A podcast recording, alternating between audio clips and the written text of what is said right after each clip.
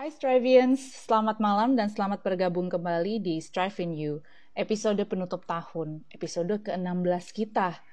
Nggak ini ya, uh, nggak terasa, udah 16 kali kita melakukan Instagram Live. Awalnya kita sekedar, oh ya coba deh iseng-iseng gitu ya, gimana caranya kita bisa engage audiensnya Strive selama masa pandemi ini. Tapi ternyata Instagram Live ini bukan hanya membantu kita untuk bisa reach out ke audience Strivians, tapi juga kita di Strive juga banyak belajar gitu. Karena selama di Strive ketemu banyak sekali dengan para praktisi dan para pakar di bidang kesehatan dan nutrisi dan olahraga. Dan uh, kita di tim Strive juga bisa menggali wawasan mereka. Itu rasanya seperti suatu privilege gitu. Dan hari ini kita mendapatkan satu lagi kesempatan di penghujung tahun 2020, tahun yang sungguh spesial ini, untuk uh, mendapatkan pencerahan wawasan, ilmu, apalah banyak hal lah ya uh, dari sosok olahraga yang mungkin bisa dibilang uh, sangat familiar gitu di masyarakat Indonesia. Iconic gitu, mungkin I think that's the right word, iconic. Ade Rai, kita akan bicara dengan Ade Rai, binaragawan profesional, fitness owner of um, fitness uh, a chain of uh, gyms dan juga fitness guru. Aderai memiliki filosofi dan pengalaman ya yang luar biasa di bidang uh, kebugaran. Jadi kita merasa sangat uh, terhormat bisa ngobrol dengan Aderai malam ini dan bagi teman-teman yang sudah masuk ya sudah login, hai, um, hai Riani, hai Yayu, jangan lupa uh, puas-puasin deh gitu ya malam ini. Uh, tanya apa pun yang ingin kalian tanyakan soal kebugaran pada Adire karena ini kesempatan langka nih gitu ya. Bagi Strivians yang um, mungkin siapa sih Adira gitu ya, walaupun mungkin pasti nggak pasti jarang ya ada yang kayak gitu. Uh, Adira ini sosoknya luar biasa, binar binaragawan Indonesia yang uh, berprestasi gak hanya di dalam negeri tapi juga di internasional. Tahun 95 uh, beliau uh, mendapatkan berhasil meraih gelar Mr. Asia gitu ya terus uh, I think twice dan juga Mr. ASEAN um, berbagai berprestasi uh, berprestasi di berbagai ajang binaraga nasional dan internasional dan juga ikonik karena um, is probably the longest um, ambassador uh, for the energy drink kita nggak akan sebut di sini tapi sosoknya itu his um, is is uh, image gitu ya ada di semua marketing kolateral dari energy drink ini yang ada di yang ada di um, yang ada di berbagai billboard di ibu kota gitu. Jadi sosoknya ini sudah sangat familiar gitu ya di masyarakat Indonesia, di masyarakat Indonesia nggak hanya di Jakarta tapi antero Indonesia. He's truly iconic, he's truly amazing dan yang mungkin banyak yang nggak tahu adalah dia punya banyak dia sudah malang melintang begitu lama di dunia kebugaran. He beliau telah develop suatu filosofi yang cukup unik gitu mengenai kebugaran dan mengenai nutrisi yang menurut kita teman-teman khususnya yang uh, baru mulai berolahraga dan berusaha untuk menjadi sehat ya di umur-umur yang mungkin ya umur 30-an, 40-an seperti saya ini gitu, kita pasti akan benefit banyak ya dengerin uh, filosofi Adera ini. Oke, okay, without further ado saya akan langsung undang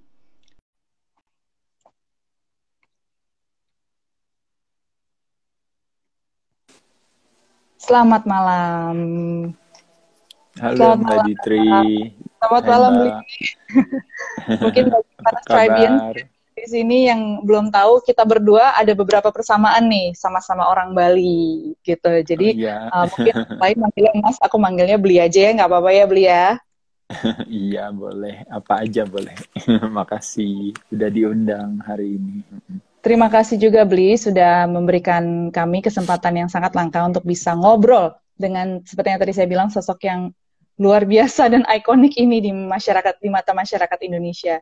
Um, Bli, eh, gimana kabarnya malam ini? Ya baik, syukur terima kasih. Baru habis kelar latihan. Baru banget nih. Selesai. iya baru aja, baru aja langsung pulang karena ada acara ini.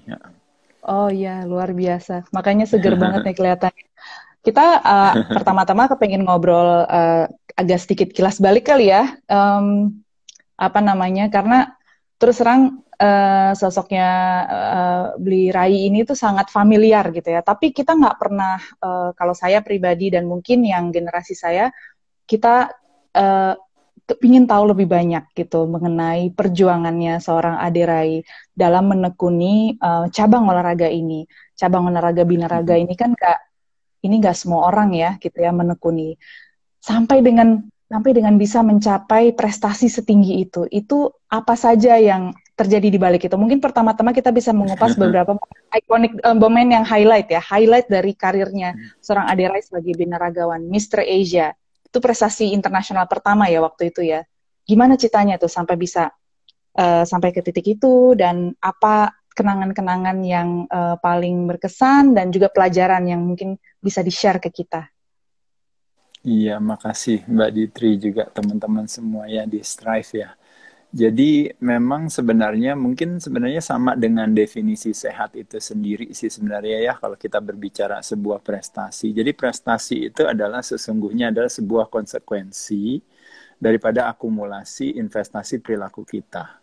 Nah, jadi kalau perilakunya kebetulan yang kebetulan mungkin yang investasinya baik gitu ya, maka apresiasinya juga nanti biasanya sesuai dengan apa yang kita harapkan. Begitupun sebaliknya juga gitu ya. Jadi kalau di Bali uh, Mbak Ditri jadi hukum karma aja ya sebenarnya gitu ya. Jadi uh, law of cause and effect gitu. Jadi ketika kita memang kita kerja keras ya, kita mungkin punya pola hidup yang baik. Nah, pada saat itulah akumulasi daripada perilaku kita akhirnya konsekuensinya yaitu adalah prestasi itu sendiri. Jadi prestasi itu atau misalnya menjadi sehat atau kita menjadi sakit itu sebenarnya bukan sesuatu yang mengejutkan gitu, tapi lebih kepada tergantung daripada memang apa yang sebenarnya kita lakukan. Saya kebetulan kecintaan saya terhadap olahraga memang sudah sejak kecil gitu ya saya lakukan dan bersyukur mungkin kalau berdasarkan statistik katanya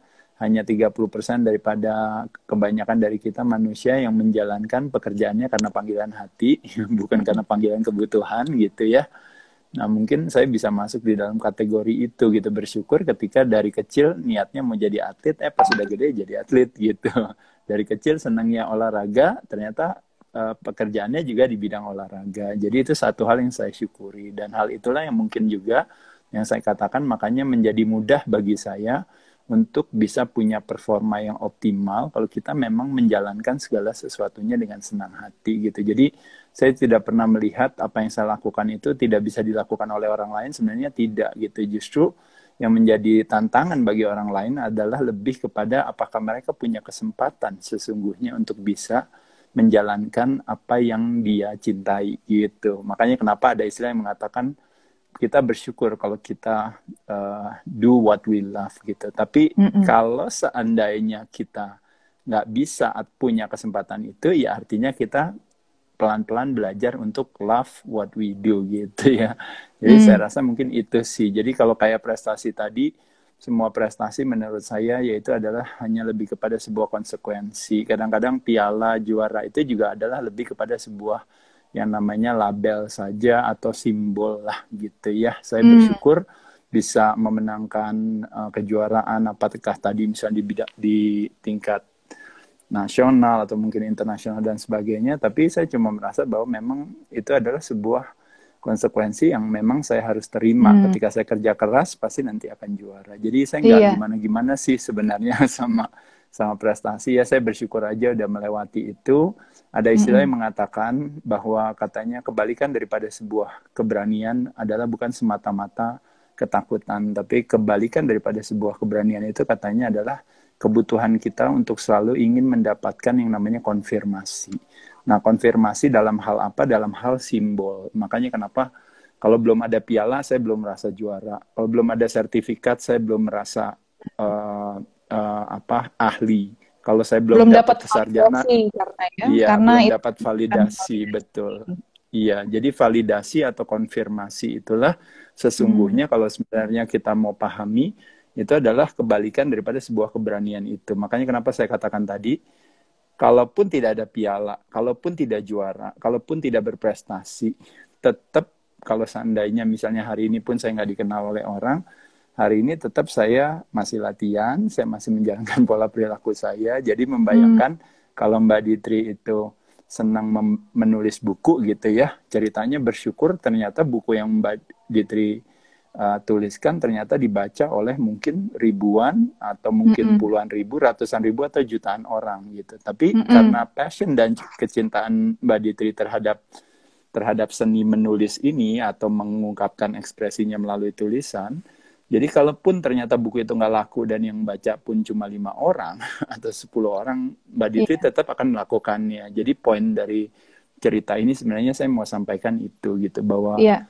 saya kebetulan bersyukur aja bahwa ternyata apa yang saya jalankan itu memang kebetulan ekspresi daripada kecintaan saya terhadap apa yang saya lakukan gitu. Baik, ampura beli. Tapi kan waktu saat beli uh, apa menekuni ini umurnya baru uh, mulai menekuni binaraga ya dengan sangat serius itu baru mungkin di penghujung 20-an tahun ya, itu kan hitungannya masih jiwa muda bergejolak gitu ya. Itu kesadaran seperti ini nih, kesadaran yang wisdom gitu ya, yang luar biasa ini tuh udah ada di umur segitu beli bahwa oke okay, saya menekuni ini bukan untuk mendapatkan validasi tapi memang saya cinta gitu ya sama olahraga ini.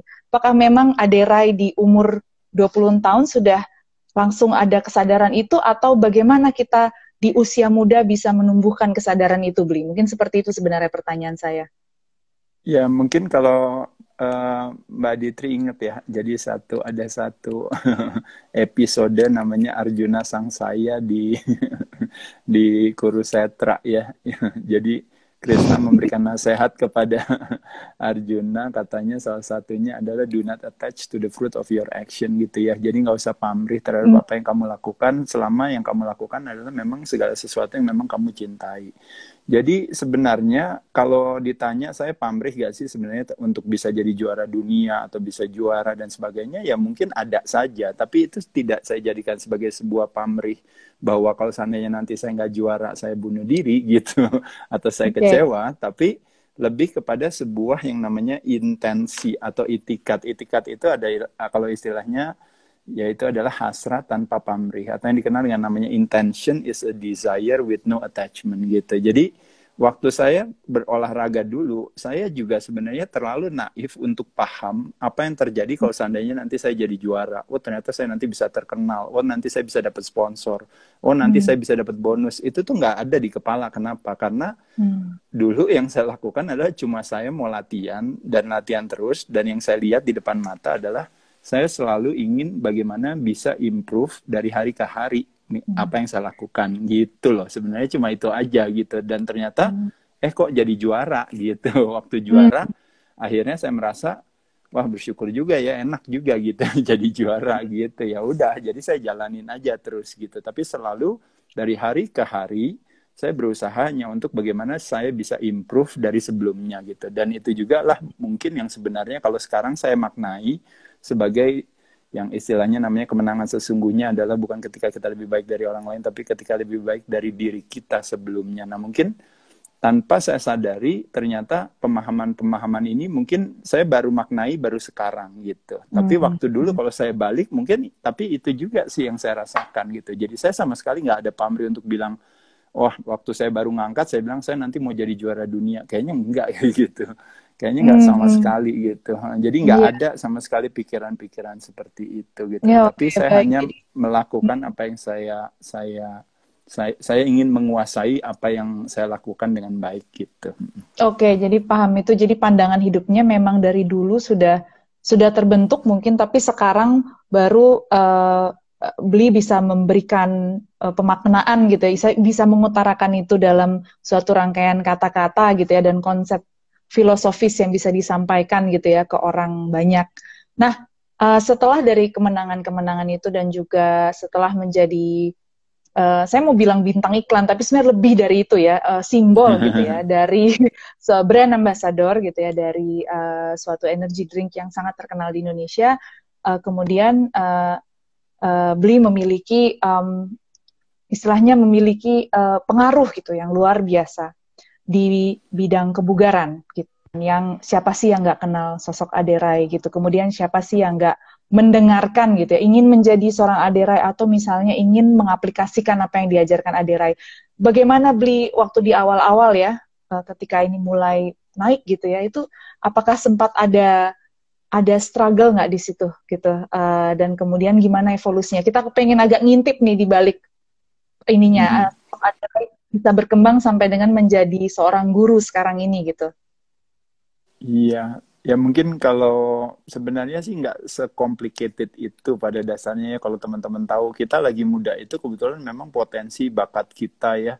Kalau kita ngomongin secara fisikalitas tuh kita itu emang kuat aja gitu. Jadi hmm. yang ada tiap hari kerjanya ya udah latihan aja latihan aja. Nah sedangkan kayak kalau tadi ya misalnya bicara bermain iklan itu pun juga sebenarnya itu udah lama sih. Jadi setelah saya justru malah jadi juara dulu gitu. Jadi saya mulai mengenal besi itu sebenarnya dari tahun 1984. Jadi uh, tahun 2020 ini adalah uh, anniversary persahabatan saya dengan besi yang ke-36 tahun.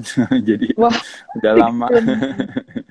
jadi saya mengenal besi dari tahun 84 pada saat di mana saya masih jadi pemain bulu tangkis sebenarnya waktu itu gitu ya. Tapi Uh, saya baru menjadi atlet uh, panco ya itu di tahun 1989 90 gitu ya dan saya baru jadi atlet binaraga mungkin di tahun 90-an gitu awal gitu ya. Mm. Nah, jadi waktu saya uh, jadi waktu saya baru mulai itu sebenarnya ya saya cuma latihan aja karena kecintaan saya makanya kenapa saya katakan di sini mungkin kalau kata yang paling bisa menggambarkan saya itu adalah lebih kepada mungkin yang namanya passion itu sih gitu ya. Jadi ketika kita mencintai sesuatu, akhirnya itu kayak tenaganya bisa tercurahkan di sana gitu ya. Dan juga memang yang tadi ketika kita menyenangi dan menyukai bidang yang kita lakukan, sama sekali saya yakin itu makanya kenapa uh, yang mungkin cerita yang sering saya kemukakan lah itu yang namanya uh, cerita daripada yang namanya filosofi ekor kucing. Jadi seekor kucing kecil sedang berputar-putar. Dari kejauhan, uh,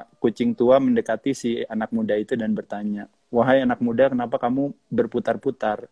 Lalu si anak muda itu bilang bahwa, "Oh iya, Pak Tua, saya sedang mengejar ekor saya," kata dia. Lalu Pak Tua itu tanya, "Kenapa kamu mengejar ekor kamu?" Lalu dia bilang katanya, "Oh iya, karena di sekolah saya diajarkan seperti ini." Lalu Pak Tua itu tanya, "Memang kamu sekolah apa?"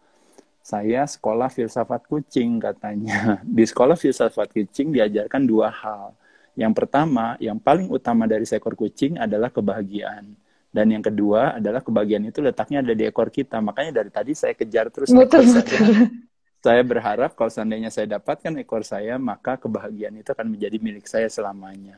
Nah, si bapak tua itu tersenyum dan berkata bahwa wahai anak muda saya kebetulan besarnya di gang. Saya nggak pernah sekolah apalagi sekolah filsafat gitu ya. Nah, tapi saya setuju dengan apa yang kamu lakukan yaitu adalah bahwa memang yang paling utama dari seekor kucing adalah kebahagiaan. Dan kebahagiaan itu letaknya memang di ekor kita. Tapi saya tahu kalau saya mengejar ekor saya terus menerus maka saya tahu saya tidak akan pernah mendapatkannya.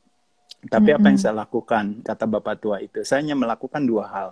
Satu adalah saya melakukan segala sesuatunya dengan senang hati. Dan yang kedua, yang saya lakukan adalah tidak hanya bermanfaat bagi diri saya, tapi juga bagi kucing-kucing lainnya. Maka apa yang terjadi? Saya tidak perlu mengejar ekor saya, tapi ekor saya yang akan mengikuti saya ke mana pun saya pergi. Nah, jadi poin dari cerita ini sesungguhnya adalah hanya mau bilang bahwa itulah sebenarnya yang dilakukan oleh kita semua sesungguhnya. Bahkan orang-orang mm -hmm. yang sukses sekalipun di bidang apa pun, pasti ada memiliki kesamaan seperti uh, ibaratnya si filosofi ekor kucing ini yaitu adalah hmm. bahwa kalau kita melakukan segala sesuatu dengan senang hati dan ternyata yang kita lakukan bermanfaat bagi diri kita dan juga bagi orang lain ternyata tidak perlu dikejar ternyata yang namanya juara yang namanya sukses yang namanya akhirnya tadi dapat iklan lah dan sebagainya itu akhirnya mm -hmm. mengikuti kita gitu. Nah, jadi mungkin itu sih yang saya alami pada saat itu gitu. Jadi loh, dia mengikuti jadi... karena toh ekor juga ada di badan kucingnya itu sendiri ya. Kalau misalnya iya. pergi kan pasti mengikuti. Gak usah ya. dikejar ya. Gak usah iya, dikejar ini gitu. story yang luar biasa. Sebelum saya uh, lanjut gitu ya, aku pengen banget nih soalnya ngobrol soal yang tadi uh, beli katakan di awal soal konsekuensi dari perilaku gitu ya, yang baik gitu ya, kemudian passion hmm. gitu. Banyak tuh hal yang bisa kita kupas definisinya. Saya ingin sebelum kita ke sana, saya ingin mempersilahkan teman-teman uh, dari Strive atau followersnya Aderai untuk uh, kalau mau bertanya, untuk menaruh pertanyaannya di kolom pertanyaan yang ada di paling bawah, yang ada uh, ada gelembung dan uh, tanda tanya. Karena dengan itu kita bisa catat pertanyaannya dan kita akan segera menanyakan pertanyaannya ke Beli. Ada satu pertanyaan yang sudah muncul nih. Nah, di sini kelihatan nggak kira-kira? Oke. Okay. Oh, ini ternyata adalah seruan semangat untuk mengalahkan uh, eh, COVID-19. Ya, mungkin kita bisa ngobrolin itu sedikit ya, Beli. Saya berusaha untuk mati ini. Jadi, oh, ngalangin iya. mukanya Beli. Oh iya. Hmm, mati. Uh, maaf saya. ini gaptek nih ininya. Ah, ini dia hilang. Iya. Jadi, uh, soal COVID-19 ya kita lagi ada di eh, masa-masa uh, yang sungguh apa ya uh, strange times. Sungguh unik. Sungguh unik. sungguh. Ya. Mungkin kalau kita mau tetap optimis, kita hanya sebut sungguh unik. Um, di saat-saat ini uh, yang paling penting kan disebut adalah kesehatan, menjaga kesehatan gitu kan. Tapi ya bagaimana ya belia di luar sana itu ya situasinya tidak menentu, kita tidak tahu COVID ini akan berakhir gitu ya sampai kapan. Banyak juga yang mungkin usaha atau pekerjaannya terdampak gitu ya dari pandemi. Dari dari beli sendiri apakah ada tips-tips yang sangat sederhana yang bisa kita aplikasikan di keseharian kita? Bukan hanya untuk mungkin um, dari aspek fisik saja tapi mental gimana beli gimana cara kita bisa mengelola emosi hmm. dan pikiran kita supaya kita bisa tetap imun kita tidak terdampak kalau menurut beli sendiri gimana Iya, terima kasih Mbak Ditri. Jadi memang teman-teman sekalian ada istilah yang mengatakan apa yang kita fokuskan di sana tenaga kita tersalurkan. Kalau kita mau berfokus kepada kehebatan sebuah kesakitan, boleh. Kalau kita mau berfokus kepada kehebatan atau kecerdasan, keagungan tubuh kita sendiri juga boleh gitu. Nah, kalau kita berbicara yang namanya kalau istilahnya patogen atau misalnya kuman ya bakteri virus dan sebagainya itu masuk kalau dalam yang namanya bagian daripada toxicity itu. Toxicity itu bisa banyak hal ya. Uh, sebagai contoh misalnya toxicity karena heavy metal karena polutan karena energetik bisa juga karena fooding bisa juga karena mental termasuk juga salah satunya kalau kita berbicara yang namanya patogen ini disebut dengan yang namanya opportunis jadi oportunis hmm. itu adalah dia akan mengambil kesempatan kepada tuan rumah yang ramah kepadanya. Nah, dalam hmm. hal ini kalau pola hidup kita tidak sehat, maka kita akan ramah kepada si dalam hal ini si oportunis ini untuk mengambil kesempatannya. Makanya kenapa ada istilah orang bilang virus do not harm us, tapi kalau immune health kita membuat satu yang namanya overreaksi gitu makanya kenapa ada terminologi seperti badai sitokain dan sebagainya itu makanya akhirnya memberikan kesempatan kepada si pengambil kesempatan itu untuk bereplikasi gitu dan akhirnya hmm. jadi seolah-olah kitanya jadi sakit Nah, yang mau saya sampaikan di sini kembali lagi adalah sama halnya dengan berbagai penyakit-penyakit yang lain yang hampir sebenarnya 85% sampai 90% disebabkan karena ulah perilaku kita. Begitupun juga dengan penyakit infeksi. Jadi yang namanya penyakit, yang namanya problema dalam hidup itu akan selalu hadir dan datang teman-teman sekalian. Hari ini nomor 19, besok 20, 21, 22, tapi tergantung bagaimana kita merespon situasi itu. Nah, respon kita itu makanya kenapa disebut dengan namanya responsibility. Orang yang bertanggung jawab itu adalah yang punya ability to choose our response respons dalam hal ini yaitu adalah bagaimana kalau kita pola hidupnya sehat maka outcome-nya berbeda. Begitupun juga bagaimana kalau pola hidup kita tidak sehat. Di satu sisi kita melakukan yang namanya protokol sehat proteksi dari luar. Itu yang sebenarnya protokol ketidakterjangkitan. Makanya kenapa misalnya dikatakan oh rajin cuci tangan, jaga jarak, pakai masker dan sebagainya. Tapi di sisi lain ada yang disebut dengan namanya protokol sehat proteksi dari dalam. Itu yang disebut dengan namanya iman dan imun gitu. Nah, yang satu tadi adalah aman. Nah, makanya kenapa saya katakan tadi adalah justru kalau kita mau mengambil hikmahnya, waktu sebelumnya kita kan suka sewenang-wenang terhadap kesehatan. Sehat tidak menarik selagi masih kita miliki menjadi begitu menarik pada saat dia pergi dari kita. Nah, selagi kita masih punya sehat, yuk kita jaga. Mencari sehat pada saat di mana sehat masih kita miliki menjadi mudah dan murah. Tapi pada saat dia sudah pergi dari kita menjadi mahal dan susah. Nah, pada saat sekarang musim infeksi ini, kita dalam tanda kutip akhirnya terpaksa untuk akhirnya merasakan bahwa oh iya ya benar ternyata sehat itu ternyata sangat berharga sekali. Nah, yang menjadi tantangan sekali lagi adalah ada sebuah yang dikatakan fondasi daripada sebuah kepatuhan itu adalah sebenarnya pemahaman. Tapi uniknya hari ini fondasi kita tuh lemah. Kenapa? Karena fondasinya adalah bukan pemahaman akan sehat, akan nikmatnya sehat, tapi yang terjadi adalah kita sekarang terpaksa atau berkorban dalam tanda kutip mau sehat karena takut sakit dalam hal ini takut prematur mm -hmm. kematian gitu. Nah hal inilah yang sebenarnya berbahaya. Kenapa?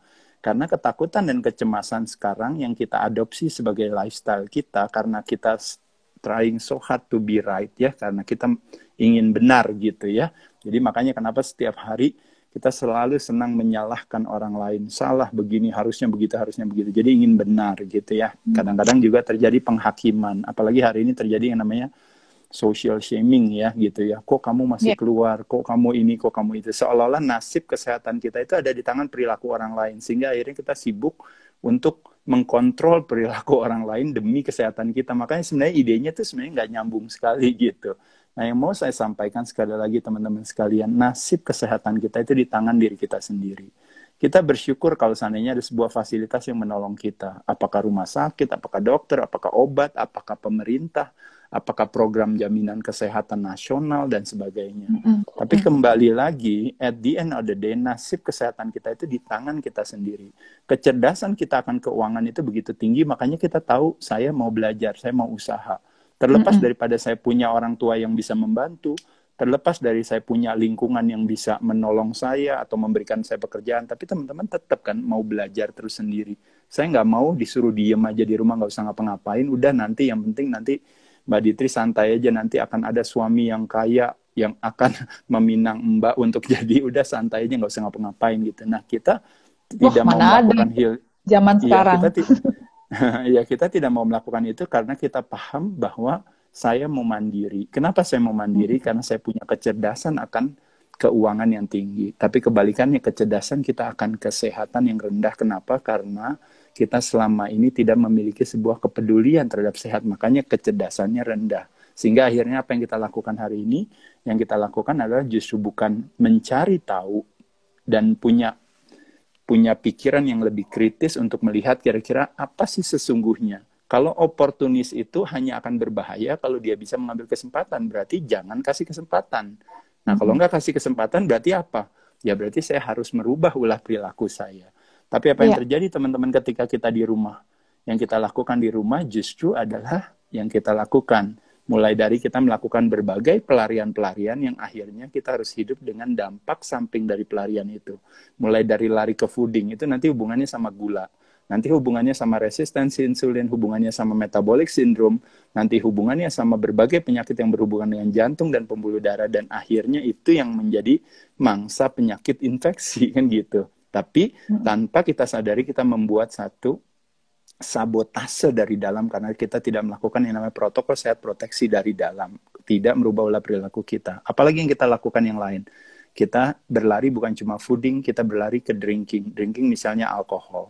Nah, kalau hubungannya dengan alkohol biasanya nanti hubungannya dengan fatty liver. Makanya alkoholik fatty liver pasti nanti hubungannya dengan metabolic metabolic syndrome, nanti hubungannya dengan immune system juga. Hmm. Apalagi yang kita lari misalnya, kita lari juga ke smoking. Dua dari tiga pria merokok bukan cuma di Bali tapi di seluruh Indonesia ya. Nah, yeah. bisa bayangkan ibaratnya itu pun juga sama akhirnya berhubungan dengan imunitas kita. Apalagi kita berlari, kita berlari ke yang namanya drugging. Penyalahgunaan obat, apakah itu misalnya narkoba dan kawan-kawan, maupun juga ketergantungan obat.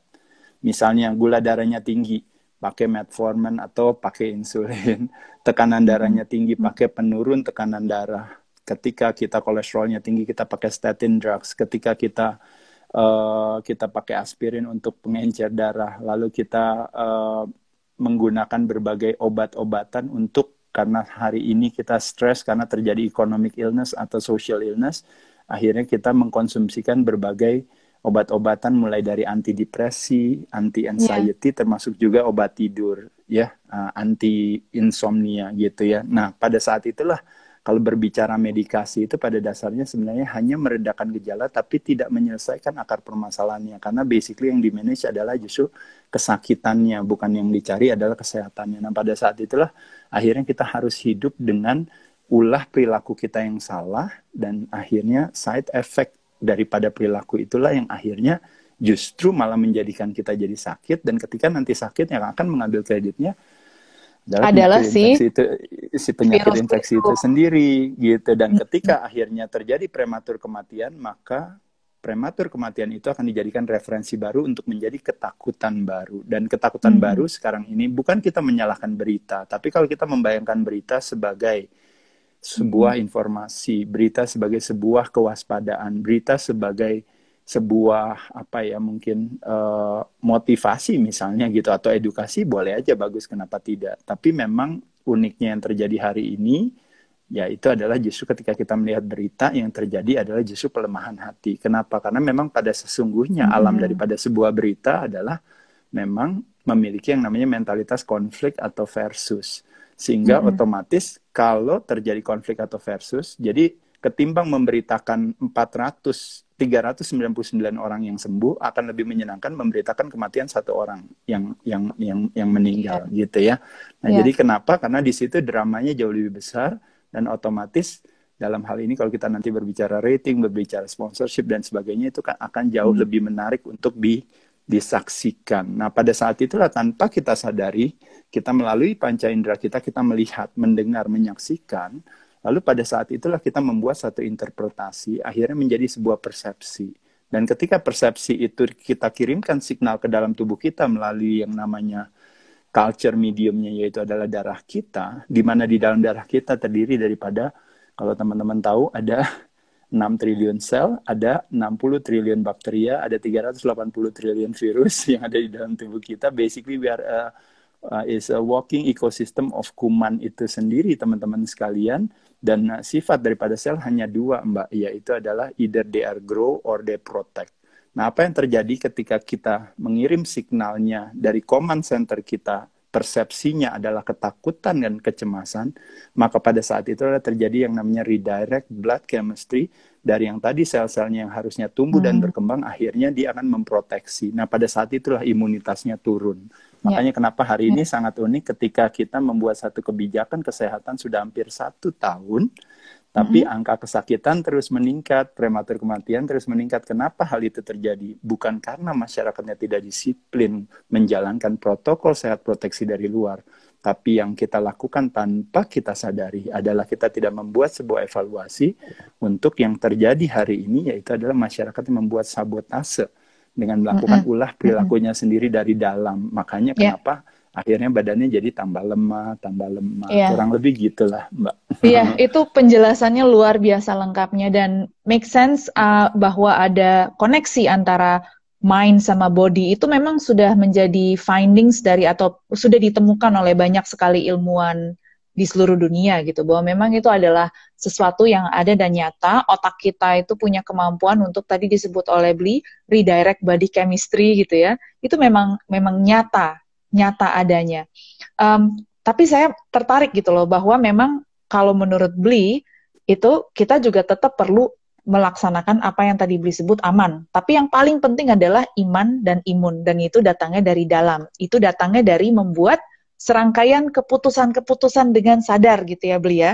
Berarti asumsinya betul, adalah betul, kita sebagai manusia bisa mengendalikan asumsinya adalah kita sebenarnya harusnya mampu untuk mengambil keputusan-keputusan yang tepat ya untuk iman dan hmm. imun kita gitu ya beli ya. Banyak soalnya orang ya, gini beli saya mau bilang ah, mau kasih tahu sedikit nih banyak orang kayak gini alasannya. Ya abis disuguhin sih gitu ya.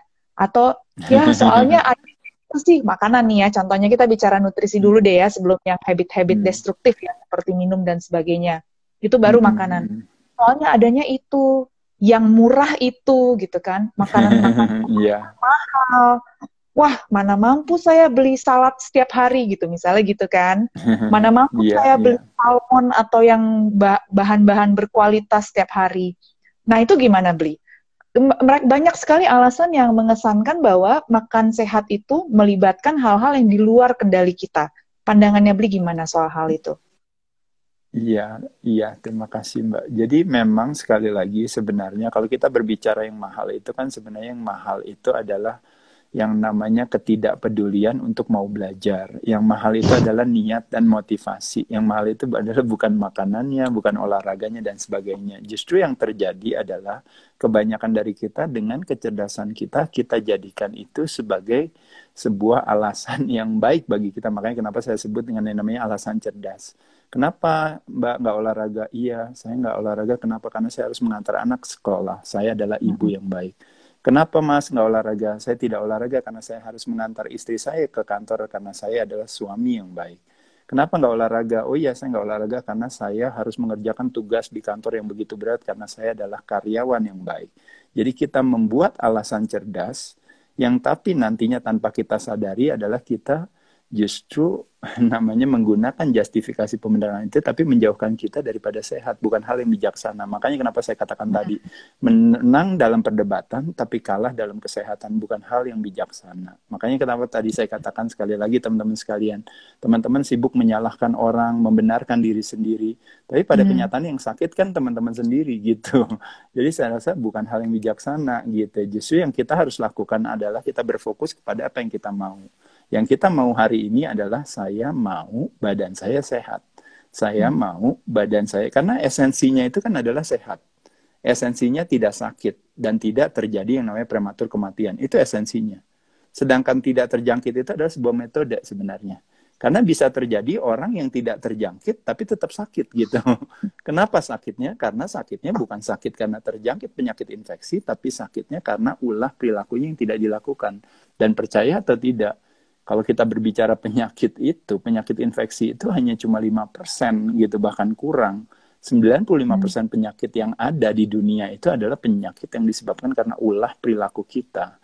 Nah, jadi hmm. kalau teman-teman nggak merubah ulah perilakunya gitu, dan makanya kenapa hari ini kita bisa melihat misalnya terjadi angka prematur kematian yang meningkat dan sebagainya. Tapi itu pun juga masih bisa dipertanyakan juga ya.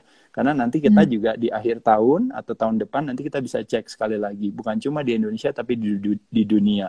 Apakah di tahun 2000, di 2020 terjadi sebuah kenaikan yang signifikan daripada angka kematian. Ternyata angka kematian itu tidak sinergis atau tidak sejalan dengan angka keterjangkitan gitu. Nah kan unik gitu. Jadi angka keterjangkitan meningkat, tapi angka angka kematian sama saja dengan tahun lalu. Jadi jadi unik kan. Jadi akhirnya kita hanya sibuk memenangkan pertempuran untuk tidak terjangkit, tapi mm -hmm. akhirnya kita harus kalah di rumah karena kita sekarang ini mengalami yang namanya mental illness, economic illness, social mm -hmm. illness dan akhirnya kita mengalami yang namanya immunodepression gitu. Jadi hmm. secara imunitasnya justru malah turun gitu. Apalagi ditambah lagi dengan kondisi hari ini ya uh, meng, meng, apa namanya mengaplikasikan kebijakan sehat dengan dengan dengan, dengan keterpaksaan gitu ya. Oh, dengan keterpaksaan lah gitu ya dan uh, dan hmm. hal itu bukan hal yang bijaksana kenapa? Karena badan kita terlalu cerdas untuk dibohongi. Ada satu istilah yang saya sering kemukakan kalau Mbak Jitri tahu, sehat adalah bersahabat dengan pertemanan hati, sakit mm -hmm. adalah bersahabat dengan perlawanan hati. Nah, kenapa mm -hmm. saya katakan perlawanan hati? Karena penyakit bahasa Inggrisnya adalah disease. Dis itu artinya tidak, is itu artinya nyaman. Jadi membayangkan ketidaknyamanan yang kita lakukan, maka badan akan membuat istilahnya mekanisme defensif sendiri, makanya dia disebut dengan namanya homeostatis. Jadi badan itu terlalu cerdas, makanya kenapa 95% orang diet itu gagal, karena menggunakan willpowernya gitu. Jadi susah, hmm. kita harus melakukan justru dengan sebuah strategi yang tepat sehingga secara hormonal kita itu nanti bisa ditolong behavior kita. Makanya kenapa hmm. sebagai contoh misalnya kalau kita take care insulin kita sebagai salah satu main main apa ya kalau istilahnya main hormon yang berhubungan dengan metabolisme. Nah, pada saat itulah badan kita menjadi lebih mudah untuk berdiet gitu loh maksudnya gitu. Jadi hmm. yang mau saya sampaikan sekali lagi teman-teman sekalian adalah memaksakan sebuah kebijakan kesehatan gitu ya mm-hmm. uh, dengan dengan dengan fondasi yang rapuh karena takut akan akan kesakitan dan kematian adalah bukan hal yang bijaksana. Maka dari mm-hmm. sebab itu makanya mungkin yang bisa saya sampaikan sama teman-teman di Strive adalah bahwa yuk kita harus drop it itu semua adopsi ulah perilaku kita yang menjadikan ketakutan dan kecemasan itu sebagai satu lifestyle kita gitu bukan mm -hmm. hal yang bijaksana gitu ya mm -hmm. gimana pun juga kita lebih baik mengikhlaskan apa yang ada termasuk hari ini pun juga saya yakin Mbak Ditri pun juga sama saya juga kita sama-sama punya pemahaman tentang kesehatan yang cukup tinggi. Nah, pada saat kita melihat kok gini, kok gitu terjadi yang namanya kayak lack of common sense di era hari ini gitu ya. Hmm. Kok gini, hmm. kok harusnya gini kan bukannya harusnya begitu dan sebagainya. Tapi membayangkan kecerdasan kita akhirnya membuat kita stres. Jadi bukan hal yang bijaksana juga gitu. Iya. Jadi saya rasa makanya kenapa saya harus kembali lagi untuk saya bilang hmm. makanya kalau orang tanya orang sering tanya sama saya uh, uh, Mas Ade atau Beli Ade apa sih kira-kira uh, hikmah yang bisa didapat selama musim infeksi ini? Jawaban saya yeah. adalah ya mungkin hikmahnya adalah ternyata di tahun ini saya di banyak diberikan kesempatan untuk belajar tentang yang namanya sebuah keikhlasan gitu ya. Jadi mm-hmm. ketika kita ikhlas terhadap sebuah perbedaan yang terjadi toleransi, ketika kita tidak ikhlas yang terjadi diskriminasi.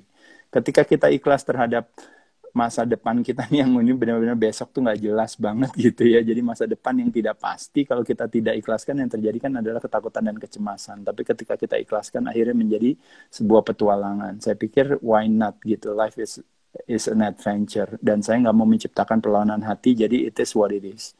Besok mau gimana ya nggak masalah lah nggak apa-apa gitu. Yang penting saya punya itikat yang baik ya dan saya tidak punya pamrih sama sekali saya bilang mm-hmm. saya akan bantu diri saya dan orang lain untuk punya pola perilaku yang sehat yang bisa menolong kita dari situasi yang ada gitu ya tapi di sisi lain juga ya saya pikir ya kalau apa pun yang terjadi ya nggak masalah juga dan juga sama iya. ketika kita uh, uh, berbicara dalam keikhlasan itu juga ternyata juga menyehatkan ketika seseorang berbuat salah terhadap kita gitu ketika kita tidak ikhlas menerimanya maka yang terjadi adalah tentunya adalah mungkin dendam ya mungkin kekesalan dan sebagainya tapi ketika kita ikhlas yang terjadi adalah justru pemaafan Nah, mm -mm. setiap hari jangankan kepada orang lain, kepada diri kita sendiri aja kita menciptakan sering berbuat salah. Tapi menyenangkan kalau seandainya setiap hari kita juga bisa memaafkan diri kita. Nah, itu adalah salah satu kunci sehat menurut saya. Makanya kalau di Bali ada kata namanya satyam. Satyam itu artinya the truth. Satyam itu artinya jujur. Jujur nggak perlu harus jujur sama orang lain, tapi paling tidak harus jujur sama diri sendiri. Kenapa? Karena dengan jujur sama diri sendiri kita menciptakan yang namanya pertemanan hati tadi. Karena pertemanan hati itu adalah is a requirement untuk kita bisa sehat. Makanya ada istilah yang mengatakan sehat bukan tujuan tapi sehat adalah sebuah syarat. Jadi untuk kita bisa bekerja, untuk kita bisa uh, berkarya, untuk kita bisa berbagi dan sebagainya itu sebenarnya semuanya syaratnya kan harus sehat gitu ya. Jadi saya pikir uh, itu yang harus kita lakukan yeah. gitu dan juga keikhlasan yang lain mungkin kalau saya rasa lebih kepada ya mungkin banyak hal lah dalam arti maksud saya mm -hmm. uh, kalau kita ingat orang Indonesia kita juga mungkin ingat orang Jawa orang Bali ya mungkin orang Sumatera orang apa justru Indonesia kan terkenal dengan keramat tambahannya keikhlasannya ketabahannya mm -hmm. dan sebagainya saya rasa menyenangkan hari ini justru kita banyak belajar waktu awal tahun saya pikir tahun 2020 itu adalah tahun yang paling buruk bagi diri saya gitu suram. gitu ya. Tapi di akhir iya suram lah, suram gitu ya. Tapi ketika sekarang memasuki bulan Desember dan dengan berbagai jatuh bangun yang terjadi, uh, justru kalau saya harus kilas balik lagi, saya bilang justru mungkin kalau nggak ada tahun ini, saya nggak punya kesempatan untuk bisa belajar dan berbagi lebih banyak gitu. Jadi, yeah. jadi probably this is like one of the year yang kalau istilahnya orang bilang blessing in disguise ya siapa tahu gitu dan mudah-mudahan kalau kita bisa survive daripada ini dan bisa mengambil hikmahnya teman-teman percaya deh gitu. Justru kita akan menjadi lebih kuat dan lebih baik lebih bagus di ke depan. Tapi kalau tentunya kita nggak kuat ya tentunya ya lain cerita ya. Akhirnya kita tewas. Iya iya beli jadi um, saya sangat terkesan gitu ya dengan uraian barusan. Karena kan uh, beli sendiri kan pasti sangat terdampak bisnisnya ya kan oleh iya, pandemi ini. Iya. Right fitness uh, orang nggak bisa nge-gym lagi gitu kan uh, terpaksa ditutup dan sebagainya. Jadi sebagai bisnismen juga pasti awalnya sekali bagi beli dan kemudian perlu ber, berinovasi. Jadi ini kata-kata yang sungguh menyegarkan sih bagi kita semua yang membayangkan mm-hmm. kok Aderai masih bisa senyum gitu. Oh ternyata itu rahasia di balik senyumannya mm. Aderai dan kata-kata yang masih bisa bertutur kata dengan dengan tenang gitu kan ya di masa-masa sulit ini. Tapi beli saya iya. sebelum yeah. uh, mungkin ini harusnya sih enaknya kalau ditutup gitu ya itu kata-katanya udah keren banget. Tapi sebenarnya banyak sekali pertanyaan mengantri ya hmm. di Q&A. Mungkin yeah. kita bisa coba yeah. hmm. dulu satu persatu karena nih fansnya beli banyak Dengan sekali. ada ya, beberapa yang sudah terjawab. Ada yang bertanya mengenai alkohol, tadi sudah terjawab memang ya. Mm-hmm. Uh, soal alkohol.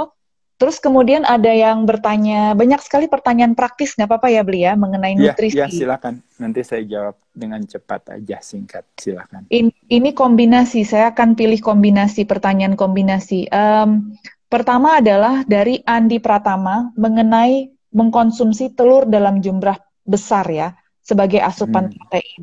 Dan mungkin sebagai bagian dari pertanyaan itu juga ada pertanyaan e, mengenai suplemen. E, sebentar, itu tadi selain dari Andi Pratama, ini ada pertanyaan dari Fahmi Desa juga. Karena ini masih satu ini ya, satu rangkaian. Apakah bisa hmm. membentuk tanpa suplemen? Nah, kalau dari beli bagaimana? ini mungkin soal asupan untuk pahat otot ya kali ya, tapi mungkin ini bisa bermanfaat bagi kita semua juga yang mungkin yeah. udah nggak ingin bergantung sama yang sintetis-sintetis gitu itu. Itu gimana beli sebenarnya? Kah yeah. atau memang harus gitu? Gimana beli? Baik, ya baik. Terima kasih. Jadi sekali lagi memang kalau kita berbicara tadi saya langsung masuk aja ke jawabannya ya. Tadi jadi kan pertanyaannya kan adalah kalau seandainya saya konsumsi uh, uh, banyak telur nggak apa-apa gak gitu ya pertanyaannya. Mungkin seperti saya hmm. sering katakan kelaparan terbesar adalah kelaparan akan arti dan makna. Makanya kenapa pemahaman adalah sebuah fondasinya. Jadi kalau kita berbicara uh, mulut kita adalah sumber kesakitan dan sumber kesehatan gitu ya jadi oleh sebab itu kita berharap mudah-mudahan yang lebih banyak yang kita masukkan ke dalam mulut kita adalah sesuatu yang sehat. Nah kalau kita berbicara sehat, kita berbicara makanan yang alami. Nah salah satu makanan alami adalah kalau kita berbicara namanya makronutrisi. Ada karbohidrat, protein, lemak. Yang esensial sebenarnya protein dan lemak. Kalau teman-teman tahu, karbohidrat itu kasih kita tenaga, tapi kalau tidak dipakai nanti akhirnya akan disimpan di dalam sel lemak gitu ya. Nah, tapi intinya sekali lagi kalau berbicara telur itu adalah sumber protein. Protein dari katanya protos yang utama. Bisa didapat dari berbagai sumber hewani dan nabati termasuk dari telur. Jadi kesimpulannya, boleh gak saya makan telur? Boleh sebagai salah satu sumber protein. Variasi, kombinasi, rotasi. Boleh makan putihnya, putihnya baik, bagus. Boleh makan kuningnya, kuningnya juga bagus. Kuningnya bukan cuma ada proteinnya, juga ada sumber lemaknya yang baik. Nah, rasio makan putih telur dan kuning telur, rasionya kalau saya bilang, kalau seandainya kita masih mengkonsumsikan karbohidrat, maka rasionya adalah 5 banding 1. Artinya, misalnya putih telurnya 5, misalnya uh, kuning telurnya satu, tapi kalau mau makannya sama nasi. Tapi kalau makannya tidak sama nasi, memungkinkan kita untuk tidak mengkonsumsikan karbohidrat, tapi kita memakai sumber lemak sebagai sumber tenaga kita uh, yang kita hmm. konsumsikan. Jadi rasionya bisa dua banding satu. Jadi misalnya makan telurnya empat, berarti kuningnya boleh dua gitu. Makan telurnya misalnya enam, berarti kuningnya boleh tiga gitu. Nah jadi kita bisa dapatkan sumber lemak yang baik. Uh, dan kuning hmm. telur itu lemak yang baik karena mengandung omega 3 uh, antiinflamasi juga dan natural alami. Jadi saya rasa bagus. Jadi kesimpulannya nggak ada masalah. Tapi kalau bilang oh kebanyakan ya saya rasa juga teman-teman kalau bisa nggak perlu harus dari satu sumber, boleh varian. Bisa dari ikan, bisa dari ayam, bahkan juga bisa dari plant based diet ya. Dalam hal ini protein dari hewani gitu ya. Nah lalu yang kedua uh, suplementasi fungsinya apa sih? Sebenarnya suplementasi itu tambahan saja. Dia memberikan kenyamanan kepada kita kita bersyukur. Karena dengan adanya teknologi ya dunia yang semakin maju sebenarnya hmm. kenapa tidak kita apresiasi? Ya sebagai contoh misalnya kayak uh, teman-teman kita di Strive itu membuat kayak snack bar gitu ya itu salah satu hal yang sangat kita apresiasi gitu ya. Dengan rasa yang nikmat yang nyaman dengan dengan dengan dengan apa? Dengan packaging kemasan yang baik dengan proses yang sehat dan juga dengan uh, kandungan yang bagus kenapa tidak gitu. Tapi di sisi lain ya memang kalau ditanya makanan sehari-hari memang yang paling utama gitu. Makanya kenapa hmm. suplemen itu is additional is not solution pasti gitu. Tapi dia memberikan kenyamanan kepada kita. Tanpa suplemen bisa gak bisa aja nggak ada masalah. Bahkan hmm. kalau dulu saya juga jangankan bilangin sehat ya saya juara dunia dulu juga nggak pakai suplemen kenapa? Karena memang dulu saya kebetulan hidupnya kan 25 tahun yang lalu gitu. Saya udah juara dunia udah hampir 25 tahun yang lalu gitu ya. Teman-teman iya. waktu itu juga memang nggak seperti hari ini di mana kita terpapar dengan berbagai suplementasi, informasi, edukasi yang mudah gitu. Kalau zaman dulu kan nggak ada gitu. Jadi makanya kenapa ya udah dari makanan sehari-hari. Jadi saya rasa makanan sehari-hari pasti yang baik, yang alami ya teman-teman sekalian ya. Jadi kebaikan daripada kealamian itu adalah tidak dalam bentuk proses. Nah, ketika hmm. proses hmm. itu panjang, apalagi dipanaskan dan sebagainya, makanya kenapa ada kecenderungan makanan menjadi rusak. Nah, ketika hmm. makanan rusak itu makanya kenapa bisa terjadi toxicity dan sebagainya, gitu maksudnya. Hmm. Makanya kenapa kalau misalnya di strive kan ini kan oh plant based diet ini apa jadi dari segi sumber udah baik udah bagus mungkin daripada penyajian karena juga kebetulan juga alami gitu ya jadi juga nggak nggak pakai apa nggak bisa jadi terlalu lama dan sebagainya saya rasa itu satu hal yang baik ya jadi hmm. saya pikir kita yeah. terbuka aja dalam segala hal hmm. ini mengingatkan saya pada tadi poinnya Bli soal uh, membangun fondasi itu dengan pengetahuan sering kali yang diartikan hanya se hanya sekedar pengetahuan mengenai fisik gitu ya, mengenai tubuh kita, mengenai mungkin olah fisik juga olahraga. Tapi tadi beli mengingatkan saya bahwa kita juga harus mengedukasi diri mengenai makanannya juga ya, nutrisi kita itu sumbernya dari mana.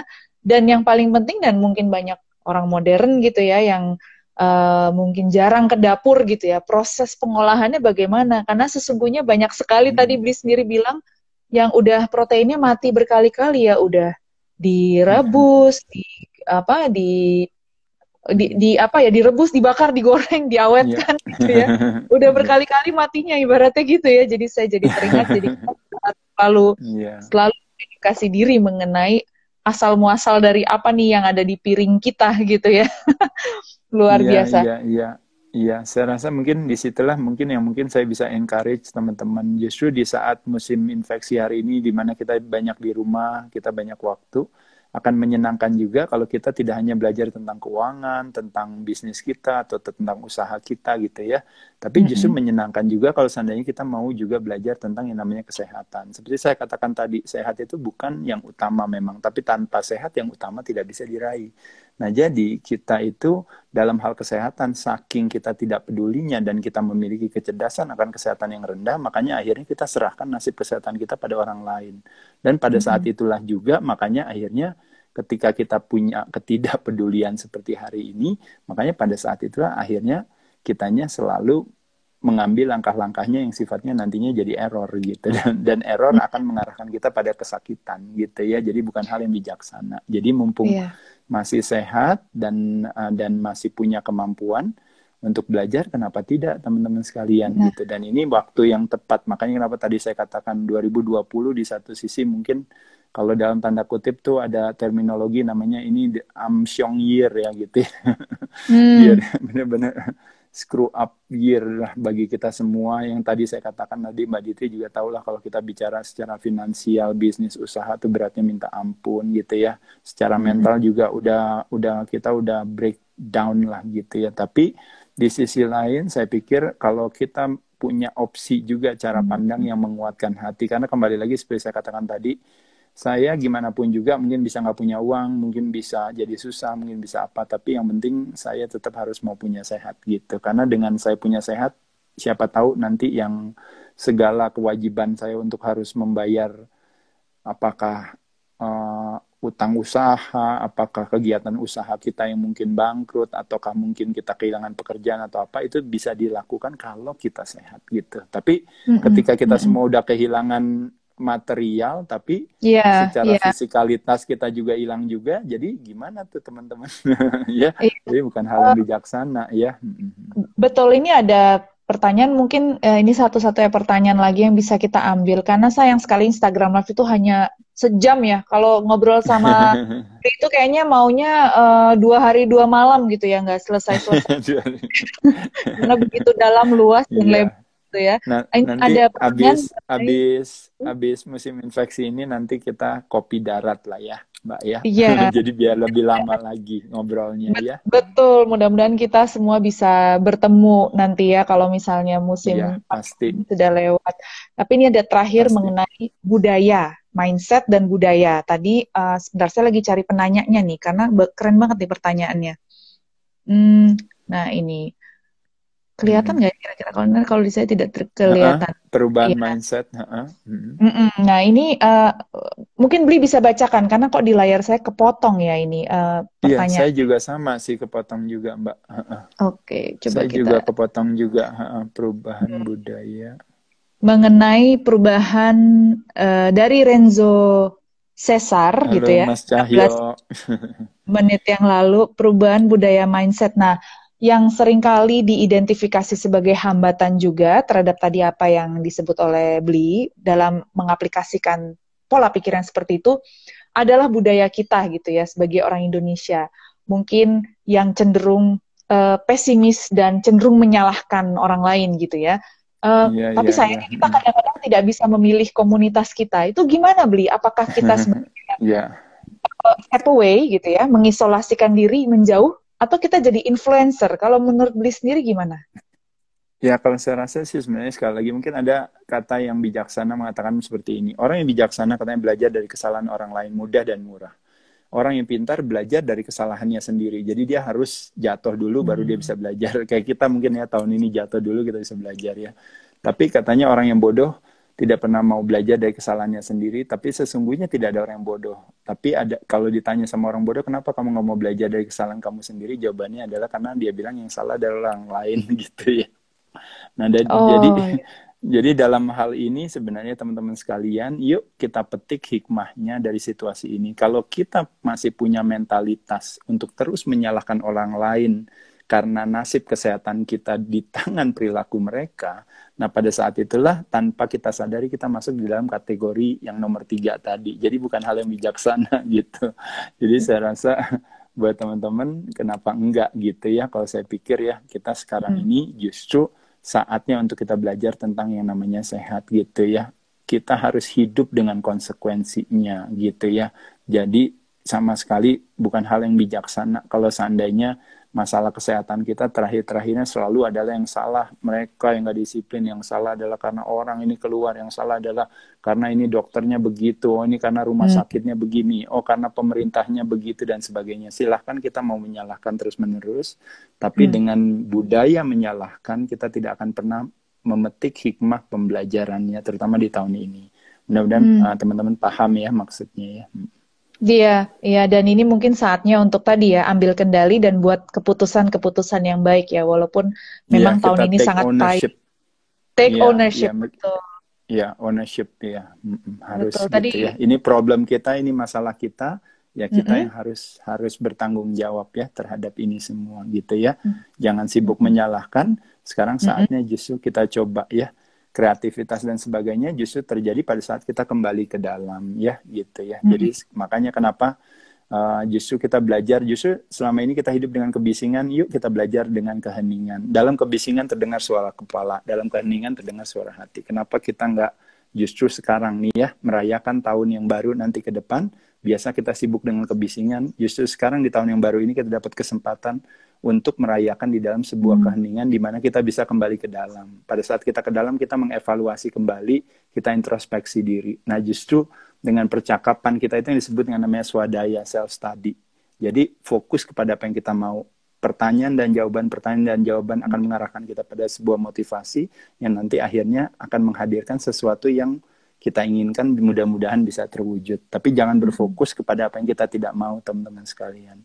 Jadi yeah, mungkin baik. itu waktunya karena udah mepet. Saya cuma mengucapkan terima kasih yeah. Mbak Ditri, terima kasih Strive Indonesia terus berkarya, terus berbagi. Saya salut, saya cuma bisa menyaksikan aja Mas Edo dan kawan-kawan nih semuanya pada tiap hari semangat banget bikin berbagai acara. Ya, mudah-mudahan nanti saya bisa ikut berpartisipasi juga di lain kesempatan. Astungkar, terima kasih banyak Beli atas waktunya.